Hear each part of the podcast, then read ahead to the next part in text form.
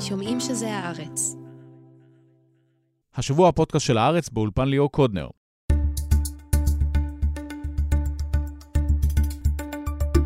החודש השלישי למלחמה בעזה. את עמוס הראל נשאל האם הסיום נראה באופק ומה הסיכוי שיעדי המלחמה בכלל יושגו. מיכאל מילשטיין ידבר על הנהגת חמאס שלא נפגעה עד כה ועל היום שאחרי ברצועה. בהמשך על חלוקת הנשק לכל דורש. השוטר לשעבר מורן מתן יספר כיצד קיבל כעת רישיון לאקדח, כשאנשים מסביבו ירו לרגליים, לא פגעו באף מטרה ורצו להיכנס להתקלח עם הנשק. יעל פרידזון תסביר איך בן גביר מנסה לקדם את האג'נדה שלו באמצעות התחמשות האוכלוסייה ועל הנפגעים הראשונים.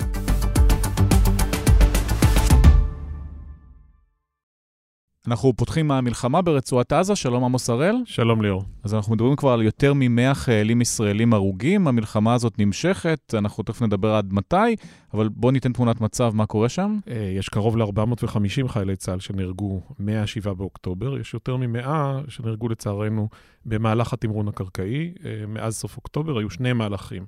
עד הפסקת האש, ואחרי שבוע של הפוגה שבמהלכה הוחזרו יותר מ-100 חטופים, הקרבות התחדשו. מה שאנחנו רואים עכשיו זה מאמץ של צה"ל לסיים את רוב הפעילות ההתקפית שלו בצפון הרצועה. ג'באליה פחות או יותר הושגה שליטה ראשונית. שכונת סג'איה אה, במזרח העיר עזה, הקרבות שם יותר קשים, זה לוקח יותר זמן. וכמובן, אה, מזה כשבוע, קצת יותר אפילו, אה, מהלך נוסף בדרום, בח'אן יונס, יש אוגדה נוספת. שם זה מוקד כוח נוסף של חמאס. ההנחה היא שבכירי חמאס, כמו אה, סינואר ומוחמד דף, לפחות הסתתרו שם עד לא מזמן. ופעולה נוספת ברוח מה שראינו קודם בצפון הרצועה, על אזור מוגבל בדרום הרצועה. אבל לא נכנסים לדרום הרצועה באותה צורה כמו שנכנסו בצפון, כי יש שם את האוכלוסייה הפלסטינית שהתפנתה? יש כאן שני הבדלים. האחד הוא שכרגע מתמקדים בעיר אחת מתוך שלושה אזורים. יש את מחנות הפליטים במרכז, מצפון לח'אן יונס, יש את ח'אן יונס עצמה, ויש את אה, אה, רפיח. אה, כרגע מתמקדים רק בעיר אחת. שנית, האזור שם הוא קצת יותר חקלאי, פחות אה, אה, בניינים גבוהים.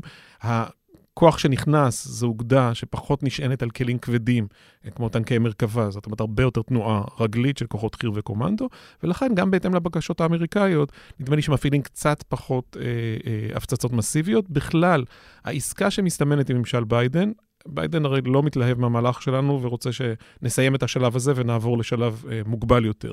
אבל בעצם מה שקונה לנו זמן זה אותה היענות ללחצים אה, ולדרישות האמריקאיות. המקום שבו זה הכי בולט זה לא מה שציינו כרגע, אלא שאלת השיירות ההומניטריות. אתה זוכר שבתחילת המלחמה שמענו את אה, שר הביטחון, את ראש הממשלה, מדברים על זה שלא יעבור כלום לפלסטינים, לא יהיה דלק, לא יהיה מים, בעיה שלהם, אנחנו מתנתקים לחלוטין. והנה, ראשית הדלק מגיע, וחלקו גם מגיע לחמאס, בגלל הלחצים האמריקאים. מעבר כרם שלום ייפתח בקרוב, אמנם בפיקוח, אבל שוב, זה מהצד הישראלי. דברים שלכאורה לא היו אמורים לקרות לפי ההצהרות הישראליות הראשוניות, ושוב, הפער בין הרטוריקה הבוטחת לבין החיים עצמם, כדי להמשיך במהלך הצבאי, שישראל, לפי מיטב שיפוטה, נזקקת לו, אז צריך גם הסכמה אמריקאית, ולכן נהנים לרוב המגבלות שארצות הברית מטילה. מבחינת ההרוגים בצד הישראלי, היום פורסם ש-20% בערך זה מתאונות וירי דו-צדדי. מה ה-80% הנותרים? ה-80% הנותרים זו הלחימה עצמה, כלומר, אה, ירי צלפים, אה, ירי רקטות RPG, מטווח קרוב בדרך כלל, מטעני חבלה שמופעלים לעבר הכוחות. ראינו שניים, שלושה, שלושה בעצם אירועים של אה, פגיעה יותר מסיבית בחיילים באירוע אחד, פגיעה בנמר של גבעתי בתחילת התמרון הקרקעי, אחר כך הייתה אה, פגיעה בכוח מחטיבת צנחנים בבית חנון, חטיבת מילואים, 551, זירת מטענים, והשבוע מחטיבה 5, שוב כוח מילואים, גם שם חמישה הרוגים מזירת מטענים. אז אלה נקודות התורפה שלנו. 20% מתאונות וירי דו-צדדי זה נתון עצוב, זה נתון נורא. הוא כמעט נגזר מאופי הלחימה, שבו אתה שופך כוחות בהיקף עצום אה, לתוך שטח אורבני בנוי בצפיפות, וזה אגב די חופף דברים שראינו בעבר, גם במבצעים בעזה וגם אם אתה חוזר למלחמת אה, לבנון הראשונה, אלה אירועים שצה"ל תמיד סבל מהם. היום אגב יש יחסית יותר שליטה בגלל כל מיני מערכות של אה, בקרה ושליטה, אה, שאתה יכול באופן דיגיטלי לזהות איפה כל כוח נמצא, ועדיין השגיאות הללו קורות. אגב, זה בעיקר קורה בין כוחות יבשה לבין עצמם, ופחות כתוצאה מתקיפות אוויריות. המספרים בשבוע האחרון לא מאוד מאוד גבוהים של הרוגים, או שזה פשוט נדמה כי המלחמה הזאת נמשכת כל כך הרבה זמן? ראשית, המלחמה נמשכת. שנית, אתה מפעיל עכשיו שלוש אוגדות בשלושה קרבות שונים. הזכרנו את ג'באליה, הזכרנו את סג'איה וח'אן יונס. המספרים הם אה, קשים, התמונות הללו של אנשי מילואים, אבות לילדים, בעלי משפחות, מדי יום, זה, אתה מופצץ בתמונות האלה, אה, זה קשה ביותר. ועדיין צריך לומר שזה לא המספרים שצה"ל חשש מהם. אף אחד לא הנפיק הפעם מצגת. אתה זוכר את uh, מצגת 500 ההרוגים מימי צוק איתן, שאיכשהו דלפה מלשכת נתניהו כשהוא לא רצה לתמרן בעזה? אז הפעם מאוד נזהרו מלהציג uh, הערכות מספריות, אבל תחושת הבטן הייתה שזה יהיה יותר גבוה. השאלה אם זה קורה בגלל שצה"ל נלחם טוב, ובסך הכל צה"ל נלחם היטב בתנאים uh, מאוד מאוד מורכבים. אני לא חושב על צבא מערבי מודרני שהתמודד עם משהו דומה בעשורים האחרונים. ומצד שני, יש פה יריב בוחר להופיע למשחק כל פעם, הוא מזנב כשהוא יכול. המסגרות החטיבתיות והגדודיות בחלק גדול מהאזורים שהותקפו, למעט ח'אן יונס, התפרקו, ומה שאתה רואה זה חוליות קטנות שיוצאות מתחת לאדמה, שולחות רחפן, מסתכלות ומנסות לזהות איפה הכוחות שלנו פרוסים, איפה אפשר אה, לפגוע בהם כנקודות תורפה, ומפעילות את אותן שיטות של גרילה. הם אה, שואפים לאירועים של זירות מטענים, כי זה מפיל יותר אה, חללים, וכשהם לא מצליחים בזה, אז אתה רואה את הרקטות RPG ואת הצלפים. צריך להגיד עוד דבר אה, חשוב, והוא שמערכת מעיל רוח במישור הטקטי-אופרטיבי היא Game Changer. כלומר, היכולת הזאת להתגונן, שלפעמים יורים יותר מעשר רקטות מטווח קרוב אל נגמ"ש נמר או אל טנק מרכבה 4, והצוות יוצא בלא פגע, זה שינוי משמעותי של שדה המערכה. עד לפני 3-4 שנים זה היה אירוע בלתי נתפס, היום אין טנק שאתה אה, מדבר עם אנשי צוות שיצאו מעזה, שלא חטף פגיעות כאלה, וברוב המקרים שורד אותם. זה ממש הכיפת ברזל של כוחות היבשה? חד משמעית, וזה שינוי משמעותי. בכלל, צריך להגיד, ליבשה יש פה עדנה מסוימת. אחרי 20 שנה ששאלנו מה יהיה על התמרון הקרקעי, אז נכון, זה לא מול חיזבאללה בדרום לבנון, אבל עדיין מול אויב שהתחפר, שחפר עיר תת-קרקעית מטורפת מתחת לרצועה, שהתחמש בכל דבר אפשרי שהוא יכול במגבלות של אה, טרור וגרילה, ושהיה מוכן הרבה יותר מאיתנו לאירוע הזה. צריך להגיד, צה"ל מתנהל אה, היטב בנסיבות הללו. זה לא מספיק, ובטח תכף נגיע לדיון הזה, אה, לנקודת קריסה. אנחנו לא שומעים את הקנק שמייחלים לו באולפנים כבר תקופה ארוכה. אבל יש פה יתרון ברור של צה"ל, ומה שהובהר מעל לכל ספק על פני כמעט חודשיים, הוא שבכל מקום שבו אוגדה משוריינת או אוגדת חי"ר של צה"ל מתמרנת בעוצמה, החמאס לא יכול לבלום אותה. החץ הזה, החץ הכחול, ימשיך להתקדם. הוא מתקדם באיטיות מתוקף החלטה צה"לית. חושבים שזה יותר זהיר ככה, המכבש או נחיל הפילים קוראים לזה, זה קורה מאוד מאוד לאט. יש בזה גם משהו מתסכל, כי הציפייה גם בציבור וגם בממשלה היא לתוצאות הרבה יותר מהירות, להכרעה. ניצחון. כן, ואנחנו לא מגיעים להכרעה הזאת, זה לוקח הרבה הרבה יותר זמן. אנחנו צריכים להיזהר מפני השלב שבו אנחנו עלולים להגיע לדשדוש במקום הכרעה. מי שיושב כבר לצדך, דוקטור מיכאל מילשטיין, שלום. שלום. אז בואו נסתכל על זה מהזווית הפלסטינית. אם בישראל התחילו לדבר על אה, מחפשים תמונות ניצחון, אז זה לא קרוב. הייתי אומר, ליאור, שאחת הבעיות המרכזיות היא שאנחנו משתמשים בהמון מושגים וטרמינולוגיה שמאוד טובה בלתאר מאבק בין צבאות קונבנציונליים או מדינות, אבל היא הרבה פחות טובה כשאתה מתמודד עם ארגון כמו טרור, שכמו שעמוס אמר, הוא גרילה, אבל אני הייתי מוסיף, הוא גם אה, אה, סוג של סמי צבא, והוא גם ארגון מחתרת, והוא סוג של זיקית אופרטיבית שיודע להש... להשתנות כל הזמן. מול כזה גורם, מאוד קשה להכיל אה, מונחים כמו שבירה, הכרעה, אפילו נקודות כובד שאנחנו כל כך אוהבים אה, אה, להתעלות בהם. ואני חושב שאחת המסקנות המרכזיות שאנחנו צריכים להפיק כשאנחנו מפרשים את העימות הזה, זה קודם כל לקחת את נקודת ההנחה שזה הולך להיות אירוע ארוך, ארוך ומתיש, זה לא הולך להיות איזה סוג של אה, אה, טיול קצר אה, בפארק. מלחמת רוסיה-אוקראינה ברמות האלה? יכול מאוד להיות, יכול, ו- ו- ואולי אה, אפילו יותר ארוך או יותר מתיש מהדבר הזה, מפני שאין לנו את המרחבים של אוקראינה, יש לנו סוג של זירה מאוד מאוד מצומצמת, אורבנית, דחוסה, אה, עם המון אה, מעורבות אה, בינלאומית. ואני אה, חושב שכשאנחנו שמים לעצמנו את השאלות של מה הגיוני או מה, מה בר יישום מבחינת ההישגים שלנו, שלנו, וכאן אני חושב שאנחנו אפילו צריכים לבוא למנהיגים שלנו ולדרוש מהם סוג של דיוק בהבהרות לציבור על מה אתם מדברים. אמרה אז... הממשלה שהם מחפשים, אה, אחד, מיטוט החמאס, שתיים, החזרת החטופים. יש מטרות ברורות. אה, לגבי השנייה, אני, ברור לי לגמרי. לגבי הראשונה, זה סוג של סיסמה מאוד כללית. למה אתה מתכוון? האם הכוונה שלך, לדוגמה, להרוג את כל ההנהגה הפוליטית של חמאס? אגב, יעד בר מימוש, אפשר לעשות אותו. האם הכוונה שלך להרוס תשתיתית את כל המערך הצבאי של חמאס? גם יעד בר מימוש. אבל אבל האם אתה מדבר על למחוק את החמאס מעל האדמה? לא יקרה. כי הוא יישאר מתחת לאדמה. א', הוא מתחת לאדמה, וב', אוהבים להגיד אצלנו, וזה קלישה, אבל היא נכונה, זה רעיון, אתה לא יכול למחוק אותו, ואני אוסיף על זה עוד, עוד דבר. בעזה עצמה, גם אם אתה תהרוג חצי מ-100 אלף הפעילים של חמאס, הם עדיין יישארו. הם עדיין יישארו, והחשש המרכזי שלי כשאני מסתכל קדימה, זה יכול להיות שהם יהיו סוג של אופוזיציה, אולי אפילו מחתרת. והם קיימים גם במקומות אחרים, הגדה המערבית לדוגמה. אני לא אתפלא אם מחר יהיו בחירות. נגיד דמוקרטיות וחופשיות בגדה המערבית, והכוח הדומיננטי שיש שם הוא חמאס. למרות 7 באוקטובר, למרות המלחמה, אין אה, לקח בצד הפלסטיני. כמעט הייתי אומר בגלל ה-7 באוקטובר. כלומר, מהרבה בחינות, ולנו זה נשמע סתירה, סתירה נוראית, אבל צריך, אנחנו צריכים להיות כנים עם עצמנו ולהגיד שבחלקים גדולים מאוד, אולי אפילו רוב הציבור הפלסטיני, רואים בצורה של גלוריפיקציה את האירועים האלה. הם לא הטבח של ה-7 באוקטובר, הם הניצחון הפלסטיני ההיסטורי. שצריך לתת קרדיט עליו אה, מבחינתם. אותם אלה שיצאו למסעות רצח, שהרגו ילדים, שאנסו נשים, נמצאים עכשיו במצב שיש להם רק אפשרות אחת, למות או להיכנע. וכאשר הם בוחרים בכניעה, הם מרימים את ידיהם, שמים את הנשק בצד ומסגירים את עצמם לכוחות צה"ל. אנחנו נמצאים לקראת נקודת שבירה בצפון רצועת עזה, בעיר עזה, ואנחנו נמשיך את הפעולה הזאת גם במקומות אחרים. עמוס, התמונות שראינו בימים האחרונים של פלסטינים בתחתונים מסתובבים, וצה"ל אומר, אה, החמאס נשבר, אנשים מוסרים את הנשק, זה מה זה, לצורכי מצלמות וחיפוש תמונת ניצחון, או שזה משהו אמיתי? אז צריך להגדיר קודם כל מי זה צה"ל. אלה לא היו תמונות רשמיות שדובר צה"ל הוציא, אלא זה יצא בכל מיני ערוצים אחרים, בין אם זה אנשי מילואים כיוזמות עצמאיות, ובין אם זה אותה מחלקת השפעה מסתורית שפועלת במטכ"ל, ודואגת להפיץ מסרים שחלקם מכוונים לציבור הפלסטיני, ובעצם חלקם גם כדי לרומם את אה, רוח הלחימה בציבור הישראלי.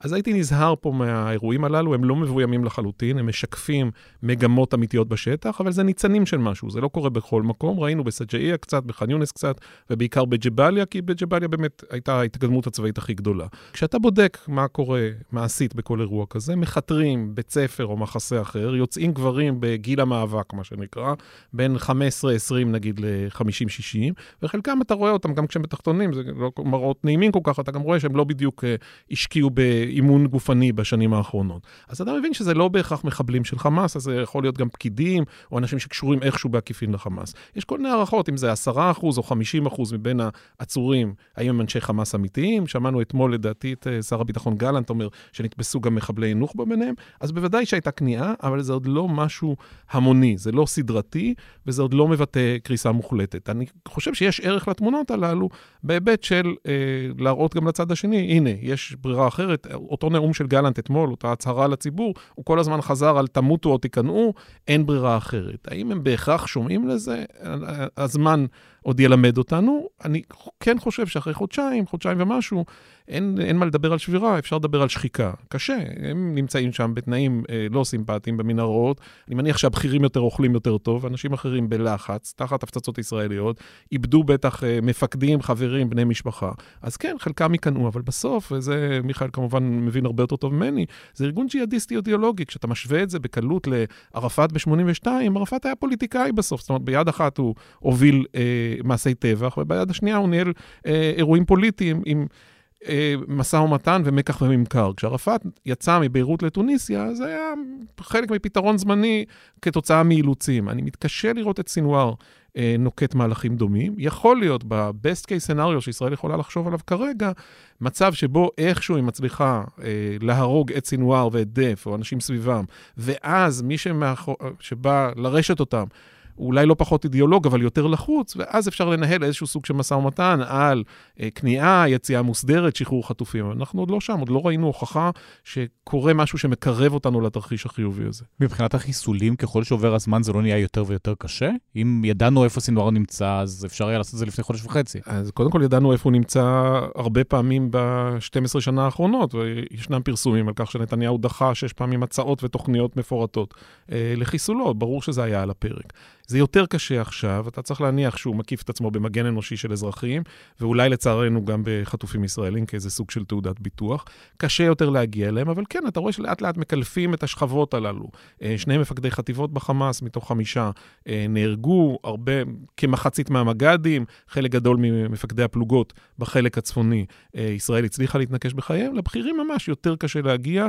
זה יהיה מבחן אמיתי. אני שומע איזה, אני לא אגיד אופטימיות זהירה, אבל אני לא שומע איזה פסימיות נוראית בהקשר הזה. יש מחשבה שישראל יכולה להגיע ליעד הזה, ושאותו מהלך בח'אן יונס, לפחות כרגע, מניב איזשהו לחץ, מטלטל ככה את השטח ויוצר יותר קושי. כשאתה מסתכל מהצד השני, אז שוב, לא הייתי הולך לכותרות ה...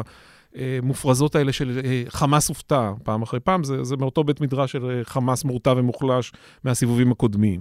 אבל אני לא חושב שחמאס הניח שישראל תתמרן בצורה כזאת כל כך מסיבית, עם הרס כל כך גדול בצפון הרצועה, ואני מניח שגם לגבי ח'אן יונס, ככל שאני מבין, הם קצת הופתעו מהחזרה המהירה של ישראל ללחימה אחרי ההפוגה. המחשבה החמאסית הייתה שזה בסוף עוד סוג של סבב, שאתה יכול למרוח את ישראל בעסקאות אחרי עסקאות, כל פעם נבטיח משהו אחר, ישראל תהיה קרועה מבפנים ולכן אה, תיכנע לכך, ואז אפשר יהיה לדחות את הצל הזה של הפלישה הקרקעית הנוספת. והנה זה קרה בכל זאת, והפעם זה קורה אה, בחזית הביתית של סינואר קרוב למעוזי כוח הנותרים, זה הופך את הסיטואציה ליותר מסובכת מבחינתו. מיכאל, אתה מצליח להבין מה בחמאס מנסים לעשות עכשיו? תראה, כשאנחנו אומרים חמאס, אנחנו צריכים יותר לדייק, אה, ליאור, אנחנו בעצם מדברים על יחיא סנוואר. כי ההיגיון שלו הוא לא ההיגיון של כל חמאס, אגב, גם לא של חמאס בדוחה, שכנראה כמו הקטרים, הם רוצים טיפה יותר להאט את האירוע, אולי אפילו להיכנס יותר מהר ובגישה יותר גמישה לתוך משא ומתן. זה בטח לא האינטרס הפלסטיני הרחב של 2.2 אה, אה, מיליון אנשים, שאין להם שום say, אין להם קול. אגב, אין להם גם כרגע שום מחאה נגד המצב הקיים, הם פשוט סטטיסט בסצנה הזאת. מראים קצת באל-ג'זירה, אנשים פתאום מתלוננים, אז מרחיקים אותם, איזה קוריוז? לא קוריוז, אבל בטח לא משהו שאני יכול כבר להגדיר אותו מתכנס למסה קריטית והופך לסוג של אילוץ על אה, סינוואר. כלומר, כן, אנחנו רואים את, ה, את ה, אותה אישה מבוגרת שאומרת, אה, הם גונבים לנו את הסיוע ההומניטרי, כאלה שמתחילים לקלל את, אה, את קטאר ואת טורקיה, אבל אני חושב שזה אפילו הטרגדיה הלאומית הפלסטינית. יש את הקולות האלה, הם אף פעם לא מתכנסים לכדי ביקורת עצמית או ביקורת נגד המנהיגות שיוצרת משהו אחר. וגם כאן, אני כבר מהשבוע הראשון, אני חושב שגם עמוס הזכיר את הדבר הזה, אנחנו שומעים אצלנו בישראל את האמירה, הציבור, לא רק החמאס, הציבור על סף שבירה, ואו-טו-טו זה מתחיל להתהפך על חמאס. אנחנו כבר חודשיים, 70 יום עוד מעט בא, באירוע הזה, זה לא מתפתח. אני לא אומר שזה לעולם לא יתפתח, אבל אנחנו לא, לא עדיין בעולם של סימנים מעידים שמשהו כזה יקרה. עכשיו, אם אני עושה זום אין על יחיא סנואר עצמו, אז קודם כל, אני מסכים אה, מאוד עם אה, עמוס, כשהוא יושב היום ומסתכל 70 יום אחרי שהוא uh, קידם את מה שאני חושב שהוא ממש משימת חייו, אני מדבר על המתקפה של ה-7 באוקטובר, הוא שקד עליה עשור. זה לא איזה סבבון קטן שאמור uh, להסתיים. זו המורשת ההיסטורית שלו. לג... בראייתו, הוא הכניס את עצמו לספרי ההיסטוריה, לא הפלסטינים, האסלאמים. יחד עם סלאח א-דין ועם, ועם uh, כל מיני מנהיגים מוסלמים אחרים שנלחמו נגד הצלבנים, והוא אומר לעצמו, ברור היה לגמרי שישראל תגיב בצורה מופרעת, נקרא לזה במרכאות, על ה-7 באוקטובר. אבל, וזה די מדהים, כי זה בן אדם שאמור לקרוא את הישראלים יותר טוב מכל מנהיג אחר בחמאס. 23 שנים בכלא הישראלי, יודע עברית, בניגוד להנייה ולמשל, שלא יודעים עברית, ומכיר את כל הסנטימנטים העמוקים של הדיון הישראלי הציבורי, ועדיין, אני חושב שהשנאה היוקדת שלו והבוז שלו לחברה הישראלית קצת העביר אותו במידה מסוימת, לא על דעתו, אבל על שיקול הרעיוני הבסיסי שלו. הוא, לדעתי, בז לחברה הישראלית וחשב שהיא יותר פריחה ממה שהיא באמת התגלתה. הפיכה משטרית, כל הדברים האלה, נתניהו לא יצליח לסחוף. זה ממש ככה, וזה בעצם היה הטיימינג שהוא, שהוא תכנן. הוא אמר, אני, כשאני רואה שהעסק הזה הולך ומתחמם, זה העיתוי שאני אבחר לדבר הזה. אני חושב שכמו נסראללה עם סיפור קוריאה עכביש, הוא אמר, הם לא מסוגלים בכלל, חברה נהנתנית כזאת, לספוג המון הרוגים, אה, ללכת למלחמת התשה ממושכת, ואני חושב שהוא יושב היום והוא לא מתחרט. אנחנו, חשוב שאנחנו נגיד, זה ג'יהאדיסט, אה, זה בן אדם שחייב עם האידיאולוגיה. הוא לא מתחרט על האירוע. לא, הפוך, זו הצלחה מבחינתו. לגמרי. גם אם הוא ימות, זאת הצלחה. הוא לוקח את זה אגב בחשבון. אבל זה יותר ארוך, ישראל יותר נחושה, ויש מצב כרגע, מבחינת סבירויות, שאני יותר קרוב לקץ שלי מאשר היה לפני 70 אה, יום. ועדיין, עוד פעם, זה היה שווה כל, ה, כל ההרפתקה הזאת. ועדיף עכשיו למשוך את הזמן עד שהאמריקאים יגידו לישראל בוא תצאו ואז uh, נחזור לאותם סבבים של פעם? Uh, כן, אני חושב שהוא הוא, הוא לא הגיע למסקנה שהוא אבוד לגמרי ומעכשיו צריך כבר לחשוב על ההתאבדות. יש עוד אפשרות להכניס uh, כל מיני uh, סדקים ולהרחיב אותם, כמו לדוגמה הנושא של אולי אמריקה מתישהו תתעורר, אולי פתאום הקטרים יחלצו איזה סוג של עסקה מעניינת. Uh, אני חושב שמאוד חשוב לו, וכאן חשוב להיכנס לעולם הסמלים שלו. הוא לא הולך להציע לישראל, הוא, יחיא סנוואר, משהו שיראה כמו התגמשות שמציגה איזה, איזה נסיגה אחורה. אה, יכול להיות שמישהו יצטרך להוציא לו את ההרמונים מהאש מדוחה, אבל אה, לפחות לגביו הג'יהאד נמשך כרגע. עמוס, דיברנו על ההנהגה הפלסטינית, ההנהגה הישראלית. שבוע שעבר ישבת פה, דיברת על זה שגלנט ונתניהו זה כבר לא זה, מאז הוחרף, או שיש איזו התקרבות? ככל שאני מבין, אין בכלל דו-שיח ביניהם למעט אה, התייעצויות אה, מבצעיות, אין תקשורת אה, יומיומית, השנאה שם מלבלבת. ויש פה גם רבדים על גבי רבדים של מתחים אחרים. כמובן, קודם כל המתח בין נתניהו ובין הצבא, אנחנו רואים את זה על בסיס יומי, את הניסיון של הסביבה שלו לגלגל על הצבא את האחריות, דיברנו על uh, שאלת uh, ראש אמ"ן. אם אנחנו נגיע פה לאיזושהי הפוגה, לא הפוגה, אבל הורדת מתח סביב הלחימה, אנחנו מניחים שמתישהו במהלך uh, ינואר הלחימה תשנה צורה וצה"ל יעבור לצורה של פשיטות, פחות מאשר אה, כיבוש שטח, אז יכול להיות שזה יהיה הזמן כבר לתחקירים הצבאיים. ומה קורה אז? האם חלק מהאנשים שכבר לקחו על עצמם אחריות, בניגוד לנתניהו, למשל מניחים אה, מכתבי התפטרות, או שבכלל הרמטכ"ל אה, תובע מהם להתפטר בנסיבות הללו. וכאן יש בו שיקולים נוספים. כלומר, הרמטכ"ל למשל צריך לקחת בחשבון שאם יש קבלת אחריות נאצלת של כל החבורה הזאת, והם הולכים מוקדם מדי, אז נתניהו ראשית נשאר כדי לעצב את הנרטיב, ושנית, יכול להשתלט על הליך המינויים ולהביא אנשים שיהיו חייבים לו אה, בתור הצמרת הביטחונית החדשה. זה אירוע מאוד מאוד בעייתי. לגבי בעיקר ראש אמ"ן, רמטכ"ל ראש שב"כ, שלוש דמויות שבלאו הכי כנראה במועד כזה או אחר אה, יסיימו את דרכם הציבורית. אז אנחנו פה באירוע גדול וקשה. עוד לא הזכרתי את המחנה הממלכתי, בני גנץ וגדי איזנקוט. כמה זמן הם נשארים בקבינט המלחמה, כמה זמן הם חלק מהקואליציה, מה הרגע הנכון מבחינתם אה, לעזוב. אייזנקוט פעיל פוליטית בשבוע הזה? בוודאי שלא, ש... לנוכח הטרגדיה הנוראית, אה, אה, האובדן של בנו גל בלחימה בג'באליה, הוא יושב שבעה עכשיו, אבל אני חושב שהוא יחזור והוא יהיה דמות אה, אה, פוליטית וביטחונית משמעותית אה, באירוע הזה. אבל יש פה עוד נקודת ציון משמעותית. התחילו להשתחרר אנשי מילואים. בינתיים שוחרר כוח גדול אחד והוחלף בכוח גדול אחר, אבל על פני התקופה הזאת, אני מניח שתוך חודש ימים או קצת יותר, הלחצים של המשק, שנת הלימודים לסטודנטים, השוואה של המשפחות, הקושי העצום של המשפחות לעמוד בזה. תשמע, זה עומס שלא היה כמוהו מאז, אני חושב יום כיפור, זה מזכיר את הממדים של לבנון הראשונה, ואולי לא מתחרה ביום כיפור, כי היו אז, אז עוד חודשים ארוכים שנשארו בכוננות עד לאביב 74. אבל אני, אני אומר לך, אפילו מהסביבה המשפחתית שלי, ראיתי את זה באירועי הדלקת נרות. אתה פתאום מבין עם מה כל אחד מתמודד. אנשים, אה, נשים שהבעלים שלהם חודשיים לא בבית, ילדים קטנים, זה התמודדויות מאוד לא פשוטות. אז קודם כל זה משפיע ומקרין, ובסוף יהיה צריך לשחרר את האנשים הללו לפחות לחופש ממושך. ושנית, זה יהיה שלב שבו תהיה התעוררות פוליטית. כלומר, אה, המילואימניקים יחזרו הביתה, חלק אחד מהם יגיד, מה לעזאזל עם החטופים? למה לא החזרנו את כל החטופים? אנשים מתים כי אתם עוד מתעכבים עם הכבוד הלאומי או עם שיקולים אחרים ולא משחררים את יתר החטופים. ומצד שני, אני לא רוצה לחלק את זה לימין-שמאל, כי זה לא לגמרי חופף את החלוקה הישנה הפוליטית. יהיו לא מעט מילואימניקים שיגידו, רגע, אנחנו היינו פה, באנו, עזבנו הכל כדי, הבטחתם שמשמידים את החמאס, שהורגים את סינואר, והנה, מכל מיני שיקולים, אתם אומרים לנו, זה ייקח עוד קצת זמן, אנחנו משנים צורה, בסוף נגיע לזה. אני חושב שיהיה פה קושי אה, שיאיים על הממשלה הן מימין והן משמאל, ושייצר קושי גדול עם הציבור. מאוד יכול להיות שזה יהיה האות להתפרצות הזאת של הזעם, ויש פה קבוצות עצומות של נפגעים, תושבי העוטף, משפחות של חללים של 7 באוקטובר, זה די חופף הקבוצות הללו, הורים שכולים של חיילים, המשפחות של החטופים, יש פה המון המון אנשים שמסתובבים עם בטן מלאה, זה לא דומה לא לבלפור ולא לקפלן, זה הרבה הרבה יותר גדול מזה, וזה יכול להתנפץ על הממשלה ועל נתניהו. לשחרר אותם עכשיו! לשחרר אותם עכשיו! מבחינת סיפור החטופים יש דיבור על עסקה נוספת, זה באינטרס של מי? אם אתה בוחן את החמאס, זה כרגע מאוד באינטרס של האגפים, נקרא להם היותר קרובים לקטאר. קטאר, צריך אה, לשים עליה איזה זום קצר, כי, כי היא תמיד אה, הייתה ב-70 יום האחרונים מאוד פעילה, אני חושב שהיא כבר מתחילה קצת להיות אפילו חרדה. יש לה את הנכס, הפרויקט שלה, שנקרא שלטון חמאס בעזה, והוא מתחיל להתערער, מתחילים להיות שם המון סימני שאלה עד כמה הוא ישרוד, ואני חושב שלה יש אינטרס, בין היתר באמצעות ההנהגה שיושבת אצלה בדוחה, אה, אולי לנסות עכשיו לקדם איזה משהו בתחום, ה, בתחום העסקאות. ואנחנו שמים לב, ליאור, שיש בעצם כרגע אני לא, לא אגדיר את זה ממש צבעים שונים, אבל זה כל מיני גוונים של אותו ירוק.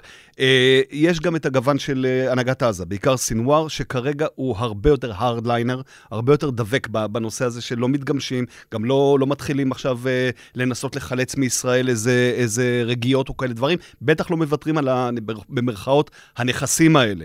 וכל הדברים האלה כרגע עומדים בפני מצב ברצועת עזה, שיחיא סנואר, למעט הסיפור של פגיעה ב- ב- באנשים שקרובים אליו, הכוורת שבאמת קרובה אליו, שהיא באמת משהו שיכול לשנות לו את סדר העדיפויות. או מצב שבו, דיברנו על זה מקודם, יתחיל להתפתח uh, נגדו איזה סוג של uh, חוסר uh, שקט, אפילו תסיסה ציבורית.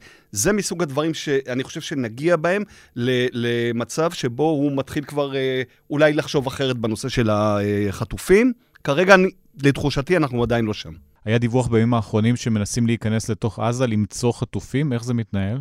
Uh, הייתה פעולה של יחידה מיוחדת בשבוע שעבר, בסוף השבוע. Uh, ככל שאנחנו מבינים, היא לא השיגה את מטרתה. אירוע שבו נכנסו לתוך איזה מתחם, לא הצליחו להביא חטופים, התפתחו חילופי אש ושני חיילים נפצעו קשה. היו גם הרוגים של חמאס. אתה מבין מזה שיש כל הזמן מאמץ מודיעיני מיוחד, בנוסף לניסיונות להגיע לעסקה, גם לחלץ חטופים, יש בו מסר ערכי, אבל כמובן נטילת סיכון לא קטנה. עד היום ראינו רק אירוע אחד שבו זה הצליח, עם החיילת אורי מגידיש, ממש בהתחלת התמרון הקרקעי. אה, מאז היה יותר קשה לביצוע, אבל יש כל הזמן ניסיונות. שקשורים בשני דברים. ראשית, להביא אה, חטופים חיים, זה כמובן הדבר החשוב ביותר, אבל יש גם ניסיונות לחפש גופות. ראינו אה, אה, סביב בית החולים שיפא לפני כמה שבועות, גופה של חיילת וגופה של אה, אה, אזרחית שנחטפו ונרצחו בידי חמאס, אה, ויש מאמצים נוספים כאלה, כי הצבא מנסה בסוף, ראשית, לעזור למשפחות שרוצות לדעת אה, מה עלה כמובן בגורל יקיריהן, ושנית, לייצב את תמונת המצב המודיעינית באשר לשאלה מי חי ומי מת. אנחנו בסוף עם 137 אנשים, מהם עשרה אזרחים אה, זרים, לא ישראלים עם אזרחות כפולה, אבל כל השאר זה חיילים ואזרחים, ואנחנו מבינים שהרשימה הזאת החיים ביניהם, רשימת החיים הולכת ומתקצרת. אנחנו, לדעתי, אם אני לא טועה, יש בערך 20 איש שכבר הוכרזו כמתים על ידי הרשויות הישראליות, ואנחנו מבינים, ראשית, שחמאס רוצח את חלקם בכל מיני סיבות שונות ומשונות, ושנית, שאנשים מתים מהתנאים. החטופים שחזרו ועכשיו כבר מתחילים לספר מה אירע שם, מספרים סיפורי זוועות. מי שנשאר שם עוד, יכול להיות שמצבו עוד יותר גרוע. המצב הכללי בעזה הוא גרוע. אחד הדברים שפרסמנו השבוע הוא שבבדיקות דם, בדמם של חטופים שחזרו, מצאו שם כל מיני נגיפים נדירים יחסית. זה לא קרה כי חמאס התעלל בהם בעניין הזה בכוונה, אלא כי פשוט זה מה שמסתובב כנראה במי השתייה של עזה ובמנהרות. אז אה, זה יכול אה, להשפיע גם על גורל של חטופים, וכמובן יש פה גם אה, עניינים אה, גדולים יותר שקשורים בא, באוכלוסייה הפלסטינית בכלל. אנחנו כמעט לא מזכירים את זה פה, אבל אה, אני חושב שבכלל, אה, מי שלא קורא את הארץ אה, בישראל כמעט לא נחשף לצד השני של התמונה. המשבר ההומניטרי הוא עצום. כן אסון, לא אסון, זה לא כל כך חשוב. בסוף, יותר משני מיליון איש שתקועים בנסיבות, גם בנסיבות של לחימה קשה, גם תחת הדיכוי החמאסי, אבל בעיקר בנסיבות של קושי לאכול, לשתות, לקבל טיפול רפואי מינימלי. אני חושב שזה אירוע שיקרין על המשך הלחימה. כן, אני רוצה באמת להתייחס לסיפור הזה של, ה, של הציבור. למעט, למעט באמת הדבר הזה של, ה, של המצוקה האדירה, נשאלת גם השאלה, ואני רואה שגם במדיה, אגב המערבית, פחות הערבית, שואלים איפה בעצם הציבור הזה? כלומר... קודם כל, אני מזכיר, אה, ליאור, אנחנו, כשבנינו את הקונספציה, אה, ערב ה-7 באוקטובר, תמיד הגדרנו את הציבור הפלסטיני העזתי כגורם שיכול אולי אה, להתחיל לתסוס, אם לדוגמה תהיה הסלמה, זה יתברר בתור אחד הדברים שלא קורים. ו- וכרגע יש מצב שבו באמת כל הציבור הזה נדחס למרחב המאוד קטן הזה של המואסי, מי שמכיר אותו, אבל עדיין לא מייצר סוג של תסיסה. של אה, אמירה כלשהי נגד, אה, נגד חמאס. ואתה יודע, יש דבר עוד יותר uh, מעניין. ככל שמתקדם התמרון הצה"לי, ועל זה אני ככה בדיוק חשבתי ב- בימים האחרונים, הרי אנחנו מגלים שבעצם כל המרחב הציבורי הפלסטיני העזתי היה זרוע כולו בתשתיות צבאיות. כלומר, אתה רואה את זה בבתי הספר, ב- ב- בבתי החולים, במחסות של אונר"א, במסגדים. כל כלומר, המנהרות גם. כן, לא, אתה יודע, אני, אני מנסה לחשוב, איך בעצם התקיימה חברה אזרחית, כלכלה ופוליטיקה, כשמה שמקיף אותך זה בעצם תשתית אחת גדולה על כל שטח הרצועה. והדברים האלה מביאים אותך לאיזה שתי מחשבות ככה לגבי, לגבי העתיד, קצת עגומות, אני חייב uh, להודות. אחת, יכול להיות שבאמת היה פחד. כלומר, בן אדם לא אומר לפעיל חמאס, אתה לא חופר אצלי בבית ספר, או אתה לא אה, שם אצלי עמדת צליפה בחנות. כי הוא אבל... מפחד שיהרגו אותו. הוא מפחד שיהרגו אותו. אבל אני חייב להודות שככל שמתגלה ההיקף הענק של, של התשתיות, גם תת-קרקע וגם מעל הקרקע, אתה מתחיל להבין שהייתה כאן ישות שלמה, חברה שהיא גם מדינה וגם, וגם ציבור, שהם בעצם מגויסים לאירוע הזה. כלומר, יש רמה של הזדהות לא מבוטלת שאנחנו חייבים להכיר אותה. אני מסכים מאוד עם עמוס, הרוב סובלים והרוב לא מעורבים ב... בשום דבר, אבל בסופו של דבר, אף פעם לא היה לחמאס סוג של אילוץ משמעותי מצד הציבור. צריך גם להגיד ולהכיר, חמאס הוא לא, הוא לא דאעש, הוא גם לא אש"ף בביירות ב-82.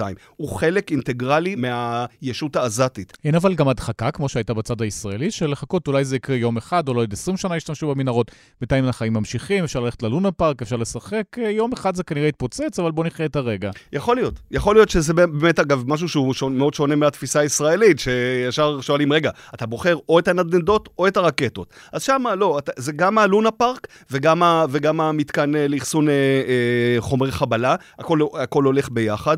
ואתה כן מבין, ועכשיו אני כבר קצת מנסה לקפוץ כאילו ליום שאחרי, שעזה לא תצטרך רק שיקום בצורת תוכנית מרשל, והיא כמובן לא תצטרך רק את הפירוז ואת ה...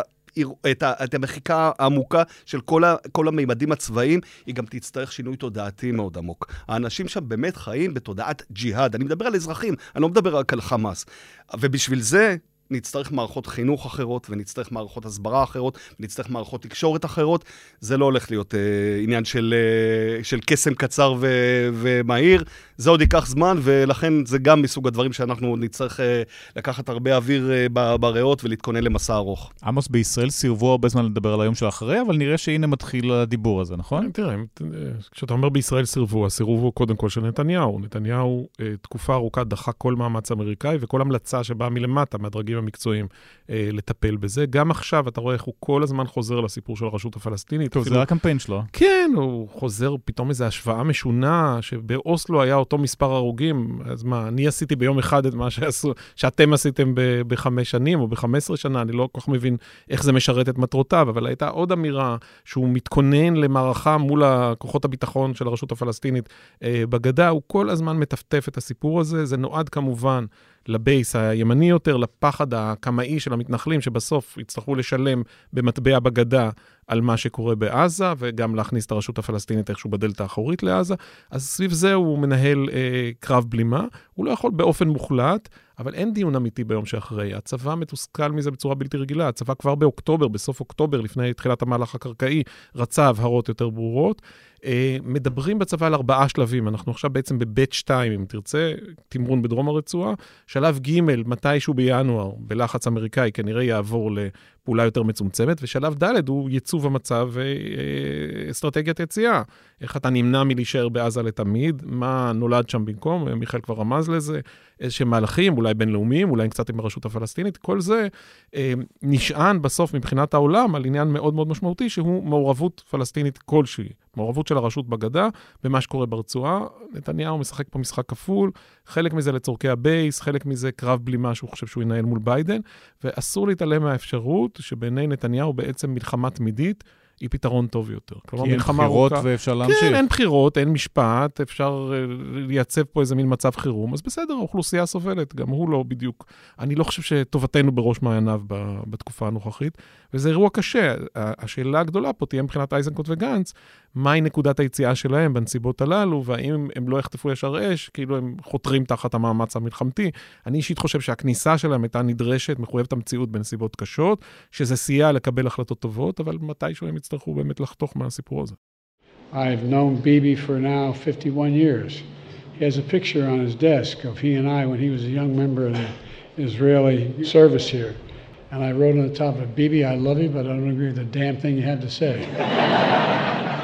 It's about the same today. Him. הבכירים האמריקאים שמתכננים לבוא בימים האחרונים, זה זהו מתחיל הלחץ? כן ולא, תשמע, מצד שני ביידן עושה עוד נאום ציוני אה, אתמול בהדלקת נרות, אה, אני חושב, בבית הלבן. אבל הוא אומר מצד שני, אני אה, מחבב את נתניהו, אבל לא מסכים איתו על כלום. ברור, אי אפשר כבר להסתיר את זה, אני גם החלק הראשון של המשפט הייתי ככה, לוקח אותו בעירבון מוגבל. אבל אה, תשמע, גם בהקשרים אחרים, ברני סנדרס, of all people, אה, מצהיר שהוא מתנגד להפסקת אש עכשיו. ההומניטרי כן, אבל חייבים למחוק את חמאס. זה אירוע די מדהים, אני חושב שאנשים שגדלו בצל האירוע הנורא של מלחמת העולם השנייה והשואה, וכן יש להם מושגים ברורים של אה, טוב ורע ומוסר, Uh, עדיין, עם כל מה שאנחנו uh, מעוללים בעזה, עם הפעלת הכוח המאוד אגרסיבית שלנו, מבינים מאיפה הסיפור הזה התחיל. השבעה באוקטובר הוא אירוע באמת חד פעמי בזוועה שלו. יש קולונל אמריקאי, ג'ון ספנסר, איש מרינס בעבר, היה מומחה לעניינים אופרטיביים. הוא צפה בסרט המפורסם של דובר צה"ל, וכבר שמענו הכל על הסרט הזה. ועדיין קראתי כתבה שלו שמנתחת את מה שהוא רואה, והוא אמר, ראיתי זוועות באפגניסטן, בעיראק, נלחמתי, טליבן, אל-קאעידה, מעולם לא ראיתי משהו כזה. הוא אמר, מה שחמאס עשה בעוטף ב-7 באוקטובר, הוא unleashed, שחרר מהרסן אלפיים ג'פרי דאמרים. ג'פרי דאמר הוא רוצח סדרתי מפורסם, וזה אכן מה שקרה שם, הסתובבו שם רוצחים סדרתיים ויחידות מוות. עכשיו, זה לא דבר מבוטל, זה גם משפיע עדיין על הדמוקרטים, לפחות האלה עם הבסיס המסורתי של אה, אהדה לישראל, זה משפיע עליהם גם עכשיו. זה לא אומר שהם איתנו לנצח, בשלב כלשהו, בטח כשהבחירות שם יתחממו, הם לא רוצים את הצל של המלחמה ושל עימות עם נתניהו על פני כל שנת 2024, אבל uh, מרחב תמרון כרגע עוד יש לישראל, ובלבד שהיא מתחשבת בדרישות האמריקאיות. מיכאל, מבחינת מדינות ערב, אז מצרים בהתחלה הייתה יותר מיליטנטית, עכשיו בזמן האחרון יותר שותקת. ירדן עדיין ממשיכה להתבטא כמעט כל יום בנושאים האלה. נכון, והייתי מוסיף לזה עוד, ליאור, גם את המפרציות ובעיקר את סעודיה. כלומר, זה מדינות שבאמת בשבועות הראשונים כמעט אישרו קו לגמרי, לא, לא עם חמאס, צריך להגיד, עם הפלסטינים, ועד עכשיו הן ממשיכות בעיקר מצרים, איחוד האמירויות וסעודיה, להפגין הרבה אמפתיה כלפי הסבל העזתי, הן לא אומרות כלום לגבי, אה, לגבי חמאס, אבל ככל שעובר הזמן, זה כבר מתחיל להיות בעיה שלהן. זה כבר לא רק עניין של ישראל נקדשת מול, אה, מול אה, אה, ישראל ו- וחמאס, נתקש, מתכתשים אחד עם השני, אלא רגע, אומר אה, סיסי, תגידו, יכול להיות שאתם מתחילים לחשוב לנו כאן על דחיקת אוכלוסייה פלסטינית לכיוון סיני? כי זה כבר פגיעה בביטחון הלאומי המצרי. אז זה כבר מתחילה להיות בעיה מצרית. אגב, אני אגיד כאן גם שלראשונה מאז 67', מצרים... שהסתכלה בדרך כלל ב... מנגד על התפוח אדמה הלוהט הזה שנקרא עזה, מוצאת את עצמה אחראית מרכזית לאירוע הזה. מאשימים אותה גם בתקשורת האמריקאית, ישראל אשמה וגם מצרים אשמה ממש במילים האלה. נכון, והם לא רגילים לזה. כלומר, הם רגילים לזה שזה, שהם המתווכים, הם לא חלק מהסיפור. והסיפור עם הסעודים ועם האמרתים נהיה עוד יותר בעייתי, כי הם מתחילים לגלות שמה שמתחיל בתור מלחמה בעזה, נגמר עליהם בתור מלחמות, אה, אה, או ביעבוע של המלחמה הקודמת בתימן. החות'ים. החות'ים, הים האדום. אגב, זה כבר מתחיל להיות בעיה בינלאומית. אה, עמוס הזכר כאן איך, איך הסיפור העזתי מתחיל לחלחל לפוליטיקה האמריקאית. אגב, גם לציבוריות האירופית, זה ממש יוצר שם סוג, סוג של מלחמת ציוויליזציות, אבל בהקשר הערבי, זה מתחיל פתאום להרים להם את כל הנושא של האיום האיראני, דרך החות'ים, ומתחיל להיות uh, סיפור מאוד גדול. יש להם רצון להתחיל לסגור את העניין הזה, ואתה רואה שהסבלנות, אפילו האמפתיה הבסיסית כלפי העזתים, הולכת ונהיית יותר, uh, יותר מוגבלת. ירדן היא סיפור uh, קצת שונה. אני, נורא אוהבים בישראל גם להאשים אותה בבוגדנות. אגב, רני המלכן, האמירות שלה ב-CNN היו באמת פשוט בוטות ו- ו- ומבזות. הסיפור שלה, אני לא, לא יודעת אם באמת היה טבח ב-7 באוקטובר. היא פלסטינית בעצמה, נזכיר. היא פלסטינית טול כרם, כן, המוצא של, ה- של המשפחה. אה, אני לא בא לכאן להגיד, תגלו אמפתיה, הבנה ו- וסלחנות כלפי ירדן, אבל זאת מדינה שבאמת, למעט הדברים הקבועים האלה, אין לה יכולת, אה, שזה אגב ממש... אמירות SOS אה, מבחינת הירדנים, אין לה יכולת אה, להראות אה, דברים אחרים, אבל באמת מה שלנו מאוד חשוב, כי זה גם חשוב ליום שאחרי, זה לראות איך מצרים, סעודיה והאמירויות, שנתניהו גם הזכר אתמול בדברים שלו בוועדת חוץ וביטחון, הם באמת השחקנים שחשוב שיהיו ביום שאחרי, בתור איזה מייצבים מרכזיים של עזה, וכמובן, צריך לראות את מי אנחנו מוציאים מהמשחק. קטאר, גורם שאנחנו כבר מצולקים ממנו. אני חושב שבחום צריך לחשוב איך שמים אותו בצד. הוא הוכיח שהוא יותר נזק מתועלת. ריאלי אבל, עם כל הכסף שהם רוצים להזרים והכסף שיצטרכו בעזה? אז תראה, אם, אם יביאו באמת את הכסף האימראטי והסעודי, זה בהחלט אה, יכול אה, לפצות על כל הכסף הקטרי, אבל בשביל זה צריך לעשות שני דברים. אחד, באמת לגרום לזה שעזה תהיה יציבה. לא יגיע לכאן ריאל אחד סעודי, כשעזה היא אירוע מאוד לא יציב. והדבר השני, ונתניהו כאן בבעיה קשה, שתי המדינות האלה, אבו דאבי וריאד, אומרות לו, אבל אתה יודע שזה עולה במשא ומתן עם הפלסטינים. לא נגמר, העסק שלנו לא נגמר בעוד פרויקטים בעזה, אנחנו גם רוצים לראות אותך מתפתח לכיוון איו"ש, וכאן אה, נתניהו במלכוד. עמוס, נסיים עם החות'ים ועם מה שקורה בצפון? אה, כן, אי אפשר לסיים משהו בלי החות'ים בימינו. אה, בכיר ישראלי דיבר לא מזמן על המצב האזורי עם מקביליו בצבאות ערבים ובמקומות אחרים. הם אמרו לו, לא משנה מה אתה עושה, אל תסתבך עם החות'ים. למה? משוגעים. יותר מחמאס? כן, רחוקים, קשה להשפיע עליהם, ובעיקר זה העם, התימנים באמת, זו מדינה שנמצאת בתחתית המדדים העולמיים בכל דבר אפשרי, אז במה בדיוק אתה מאיים עליהם? הם גם רחוקים ממך, ואוקיי, תהרוג להם כך וכך אנשים, זה באמת אה, ברור שהם, לא, שהם לא, לא יצליחו לישון אחר כך במשך חודשים. אז החות'ים נכנסו למשחק, מקבלים תמיכה עצומה מאיראן, אבל מנהלים קצת מדיניות חצי עצמאית, זאת השיטה האיראנית בכלל, לשחרר את החבל גם למיליציות, גם לחיזבאללה, גם לחמאס. אה, ויש פה סיפור, הפכנו פתאום לבעיה עולמית. ישראל אולי טוב לה באופן פרדוקסלי שזה יהיה עולמי ולא רק שלה, אבל כשהחות'ים אומרים כל ספינה שחשודה בעינינו כמשרתת את ישראל וארצות הברית ונוסעת, אה, שטה לכיוון תל אביב, או אה, חזרה לכיוון אילת, אה, זה מבחינתנו מטרה אה, ראויה לפגיעה. הם כל הזמן מסלימים גם את ההתקפות וגם את האמירות, ועכשיו זה נהיה סיפור בינלאומי. אז חוזרים אחורנית, קרוב ל-20 שנה אחורנית הייתה בעיה כזאת עם פיראטים סומליים, הייתה קואליציה בינלאומית שטיפלה בהם ביד ברזל, ובסוף האיום הזה על התנועה העולמית אה, נפסק. אבל 13% מהשיט העולמי עובר דרך באב אל-מנדב, שנשלט בידי החות'ים. אה, ויש כאן אה, השלכות אה, מאוד מאוד דרמטיות אזוריות. גם זה יכול להיות פתח, כשחוששים מתרחיש של מלחמה אזורית, גם איזה סיבוך אמריקאי חותי יכול לגרור פה את האיראנים פנימה. העניין השני הוא חיזבאללה. הייתה שאלה אם חיזבאללה חוזר למשחק מרגע שהפסקת האש מתמוטטת בדרום? התשובה היא כן, חיזבאללה אה, משגר.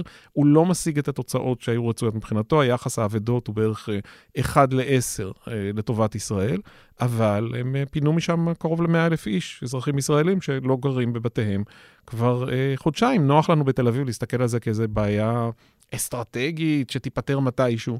יש פה משפחות, משפחות שלא סבלו את מה שקרה בדרום, אבל כל חייהם נעצרו אה, סביב הדבר הזה, והטיפול האזרחי, הטיפול של משרדי הממשלה, כמו שאנחנו יודעים, הוא חלש מאוד ואיטי מאוד. זה אירוע עצום בגודלו, אנחנו לגמרי עוד לא פתרנו אותו, אנחנו שומעים כל מיני איומים של ראש המל"ל הנגבי ואחרים. יהיה פה ניסיון ישראלי לעבור דרך תהליך מדיני, מאמץ אמריקאי איכשהו להגיע לגישור, אה, שידחוק אולי את אנשי רדואן מקו הגבול, אבל בסוף, גם אם אתה פותר את שאלת עזה, וזה בכלל לא בטוח שפתרנו את עזה, איפשהו סביב החורף, האביב הבא, אנחנו נעמוד בפני נקודה שבה ישראל אה, תצטרך להחליט האם היא מפעילה כוח צבאי כדי להרחיק את חיזבאללה מעבר לליטני, אירוע בסדר גודל אחר לגמרי בפני עצמו. הנחת העבודה היא גם שהתמרון בעזה נגמר, חיזבאללה ממשיך אה, לשגר טילים לא וממשיך בפעילות שלו? קשה לדעת, יכול להיות שאם יהיה פה מצב שסינואר נמצא בגבו על הקיר בח'אן יונס, שחיזבאללה יסלים. כרגע הם מתחת לרף מלחמה, זה מתנהל כאיזה מין אה, דיאלוג כזה של מהלומות, אבל אתה אף פעם לא יודע מתי זה יוצא מכלל שליטה. בסך הכל האיפוק הישראלי הוא גדול. אתה רואה תקיפות מאוד ממוקדות באנשי חיזבאללה, פה ושם אזרחים נהרגים, אבל זהירות רבה שלא להבעיר את האזור, גם בגלל אותו דונט מפורסם של ביידן מהשבוע הראשון. עמוס הראל, מיכאל מילשטיין, תודה רבה. תודה, תודה רבה לכם. לפני האסון הנורא שקרה, אני לא הכפלתי, אלא שילשתי וריבעתי את מספר הנשקים הפרטיים שאנשים נושאים. הוא פתח את החולצה שלו, הראה לכולם שאין לו שום מטען, אין לו שום דבר, הרים ידיים, זרק את הנשק, עשה הכל, לפי כל הכללים. ובכל זאת בא בן אדם ויורה בו. הוא פשוט ביצע רצח, אין לי מילה אחרת. אני חושב שבמצב הקיים צריך להמשיך עם, המצ... עם המדיניות הזאת, אני בהחלט תומך בה. יכול להיות שנשלם על, זה, על כך מחירים. אלה החיים. אלה החיים, אמר בנימין נתניהו, אחרי מותו ללא הצדקה, של יובל קסטלמן בירושלים. נתניהו אמנם חזר לאחר מכן מהדברים שלו, אבל מותו של קסטלמן חידד את הבעייתיות בחלוקת הנשק הסדרתית שמתבצעת אחרי 7 באוקטובר. זה הנושא שלנו עכשיו, איתנו שניים, יעל פריצון, שלום. שלום. וגם מורן מתן, הוא שוטר חוקר לשעבר במחוז תל אביב, שלום. שלום. תכף נגיע לחוויה האישית שלך מקבלת הנשק, אבל יעל, עוד קודם לכן, בוא נדבר מספרים.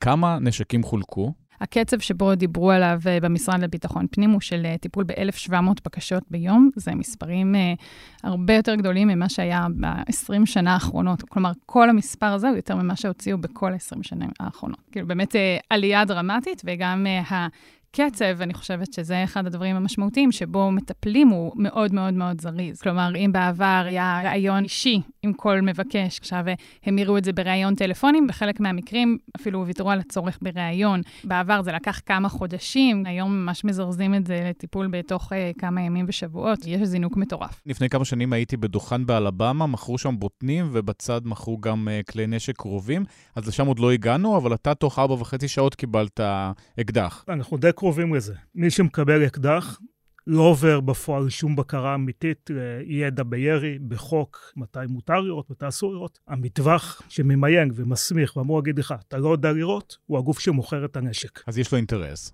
100% עוברים. היינו קבוצה של 21 איש, כולם עברו. היה שם בן אדם שתוך כדי מטווח, עם אקדח טעון, כדור בקנה, כיוון לעצמו על הגוף.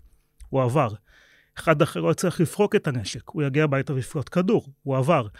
אישה אחת שטבחה לידי, פגעה אפס פגיעות במטרה. כלומר, זה לא שהיא לא פגעה במבחן, המטרה הייתה ריקה לחלוטין אחרי הירי. כל האנשים האלו הוסמכו. ולך עוד יש לפחות ניסיון בתור שוטר? כל שאר האנשים, מה הם סתם אנשים שראו שעכשיו מחלקים נשק ובאו לקחת? הם מפחדים על עצמם אחרי 7 באוקטובר? מה זיהית שם? היינו 21 איש, 15 מתוכם לא ירו בנשק לעולם, לא ירו בצבא. אני היחיד שירה פעם באקדח. בשביל הסדר גודל, אני הייתי חוקר, לא איש שטח, לא אמור uh, לעשות uh, פעילות מבצעית.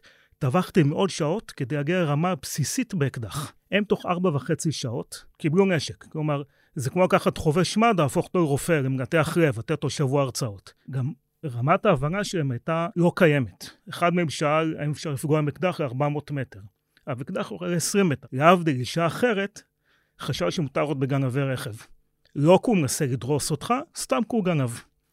בסוף השעתיים האלה קיבלנו מבחן עם תשובות. תשובות מסומנות על הדף, כולם עברו. זאת אומרת, לא היה צריך אפילו לעבור את המבחן לחשוב, אלא היה כתוב לך מה לענות. בדיוק, דרך אגב, עם טעויות. ועדיין אנשים עברו.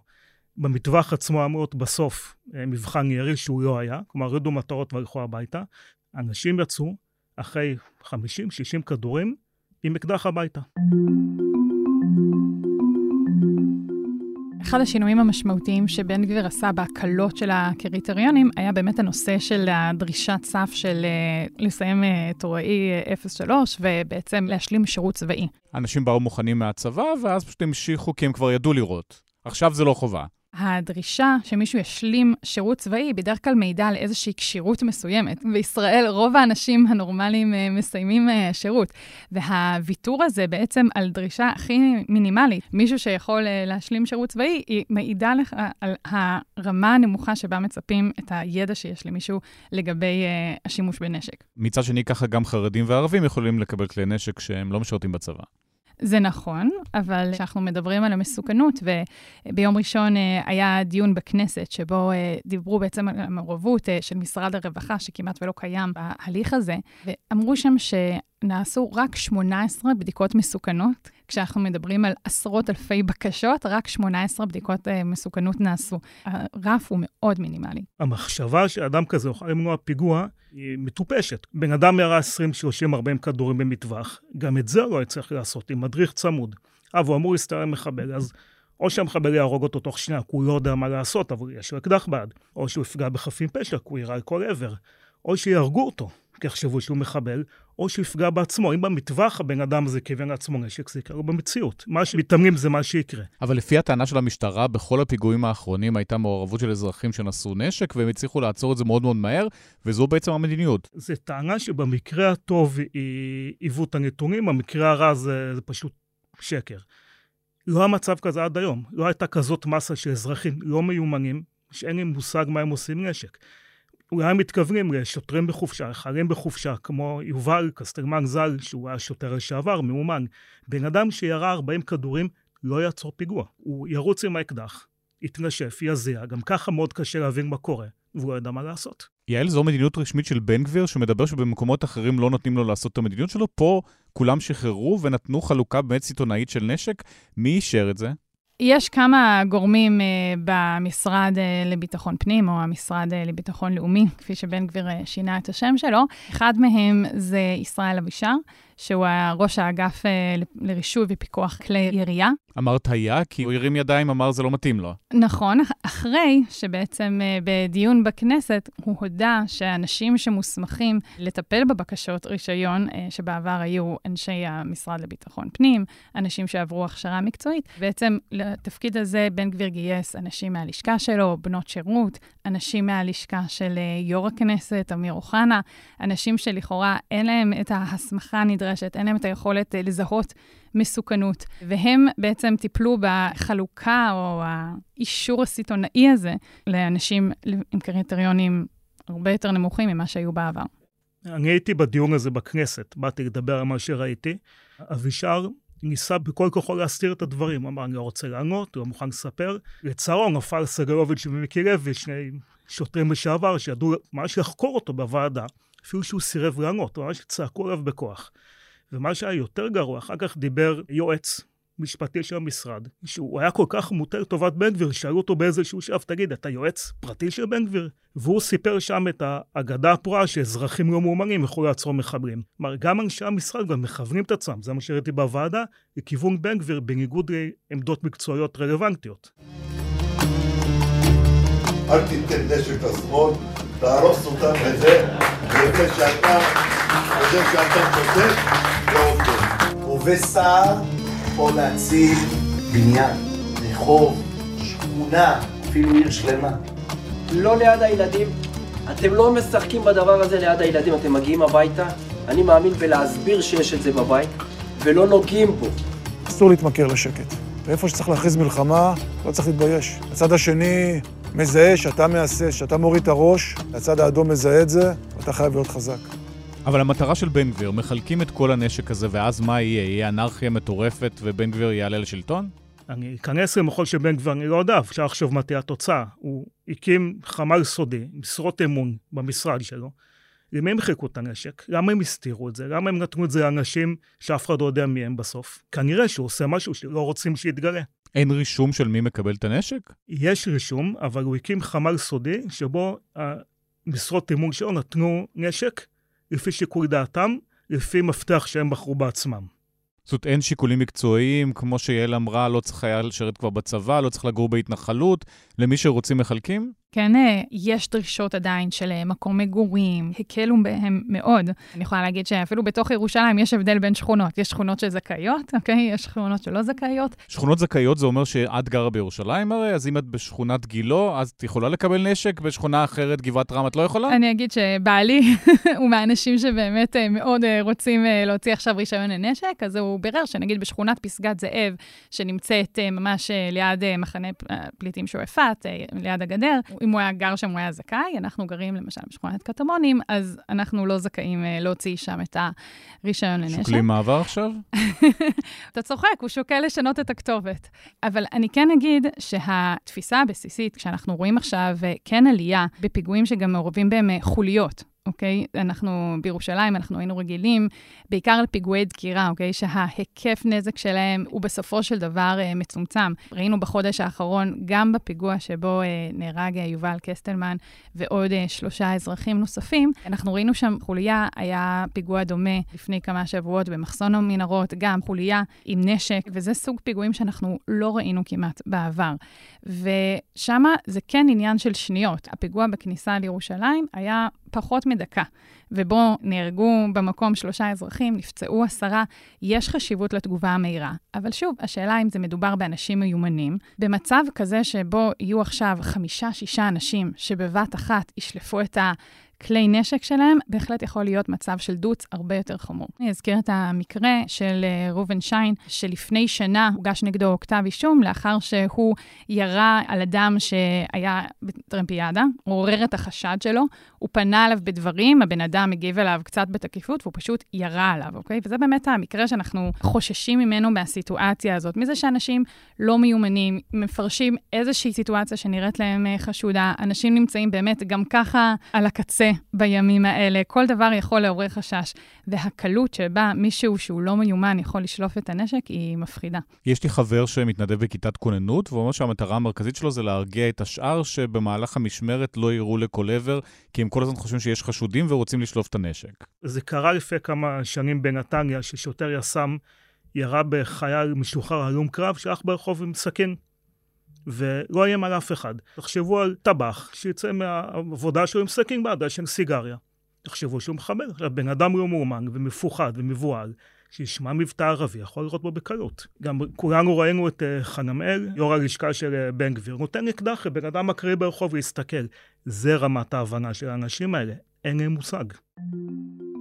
חברים מכל מקום, צפון, דרום, מרכז, מהחבורה, מכל מקום, בואו להצטייד לנשק, יש גם נשקים אישיים, זה כל האנשים שעומדים בקריטריונים. ביום ראשון בוועדה של צביקה פוגל אנחנו מקלים עוד יותר ועוד יותר בקריטריונים, בואו להתחמק. מבחינת מה שאנחנו מסתכלים קדימה, הדיבור הוא גם פגיעה בנשים. שלפי מחקרים זה אמור להיות מאוד משמעותי, וגם כמו בארצות הברית שראינו אירועים של ירי המוני בבתי ספר ובמקומות אחרים, זה בארץ עדיין לא קרה, אבל לפי המומחים אנחנו מאוד מתקרבים לשם. לגבי השאלה האם נשק יכול למנוע טרור, אז מחקרים בעולם כן מראים שהוא יכול לשפר במידת מה, אבל זה מגיע ביחד בדרך כלל עם עלייה במקרים של אלימות במשפחה. זה מגיע מעלייה במקרים של אובדנות, עלייה במקרים של תאונות נשק ביתיות. כלומר, בשנים האחרונות דאגו לאסוף כלי נשקים, דאגו לצמצם את מספר החיילים שיוצאים הביתה עם הנשק שלהם מהבסיס, בין היתר בגלל החשש מגנבת נשק של אנשים פרטיים, וזאת עוד אחת הבעיות.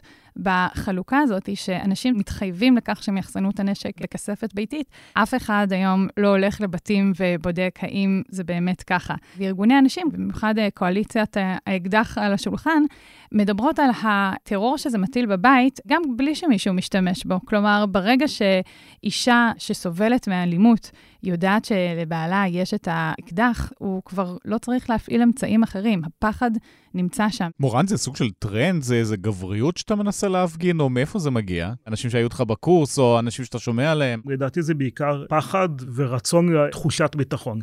עכשיו, זה שקר, הם לא יותר בטוחים כך, הם לא יודעים מה לעשות. בניגוד למה שאמרו בוועדות הכנסת, מ-2020 עד 2022 נרצחו 80 נשים באקדח בבית, 40% מתוכם על ידי מחזיק אקדח ברישיון. מאבטח, שוטר וכך הלאה. זה רק יגדל, כי הפצנו את זה לעוד אנשים ואנחנו לא יודעים מי הם. זו בכייה לדורות, או שהשר הבא יוכל פשוט להחליט לאסוף את כל הנשק הזה, או פשוט אי אפשר לאסוף יותר? היו מבצעים בעבר של אה, איסוף נשקים. שמה אומרים, אה, ההוראות השתנו, בואו תחזירו את האקדח? כן, אבל באמת אחת הבעיות היא בפיקוח על האנשים. כלומר, יכול להיות שיש מישהו שבעבר הוציא רישיון בצורה חוקית, והתחיל לקחת uh, תרופות נפשיות, פסיכיאטריות, ולאף אחד אין את המידע הזה. כולנו יודעים מה הקלות שבה אתה יכול היום לשלוח אימייל לרופא ולהוציא אישור רפואי, אבל uh, גורמי רווחה, למשל, בכלל לא מעורבים בסיפור הזה. במקרה של אלימות במשפחה, למשל, אנחנו יודעים שרוב המקרים לא מדווחים למשטרה.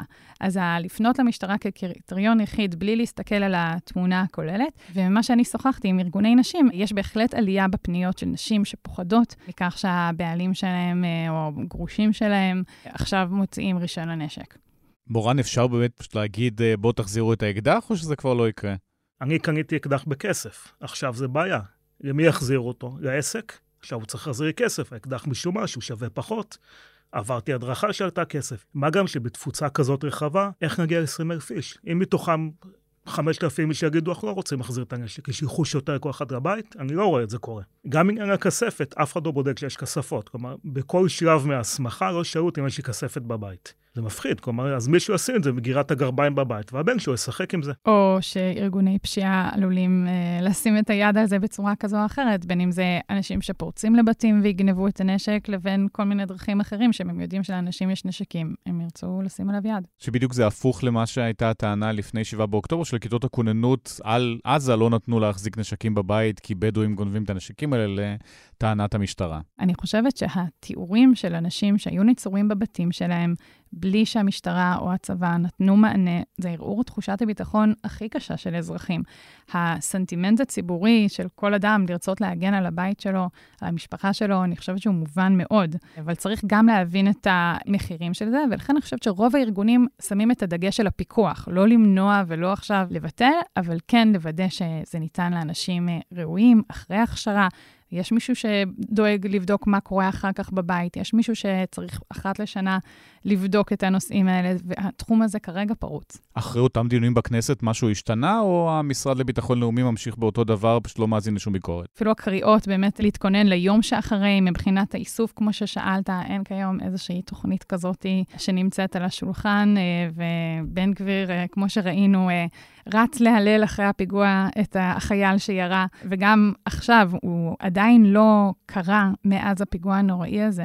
והטרגדיה הנוראית הזאת, להיזהר בשימוש בנשק, לא הייתה שום אה, הפקת לקחים, לפחות ברמה הציבורית. אני רואה את האירוע הזה כרצח. כלומר, הבן אדם קרא על ברכיו והתחנן לך וירו בו. הרים ידיים. זה בכלל לא משנה באותו רגע מי הבן אדם. הוא שבוי, הוא מחבל, הוא אזרח, לא צריך לירות בו. זה רצח בהגדרתו. ופה המשטרה, זה אני אומר כחוקר לשעבר, ניסתה בכל כוחה למסמס את החקירה. גם המערכת פה התכווננה לכיוון החשוד כדי לסייע לו להתחמק מחקירה יסודית ומשפט. אבל זה מפחיד, ואם לא היו מצלמות, וזה היה בשטחים באיזשהו כפר, לא היינו יודעים על זה אפילו. אורן מתן, יעל פריצון, תודה רבה.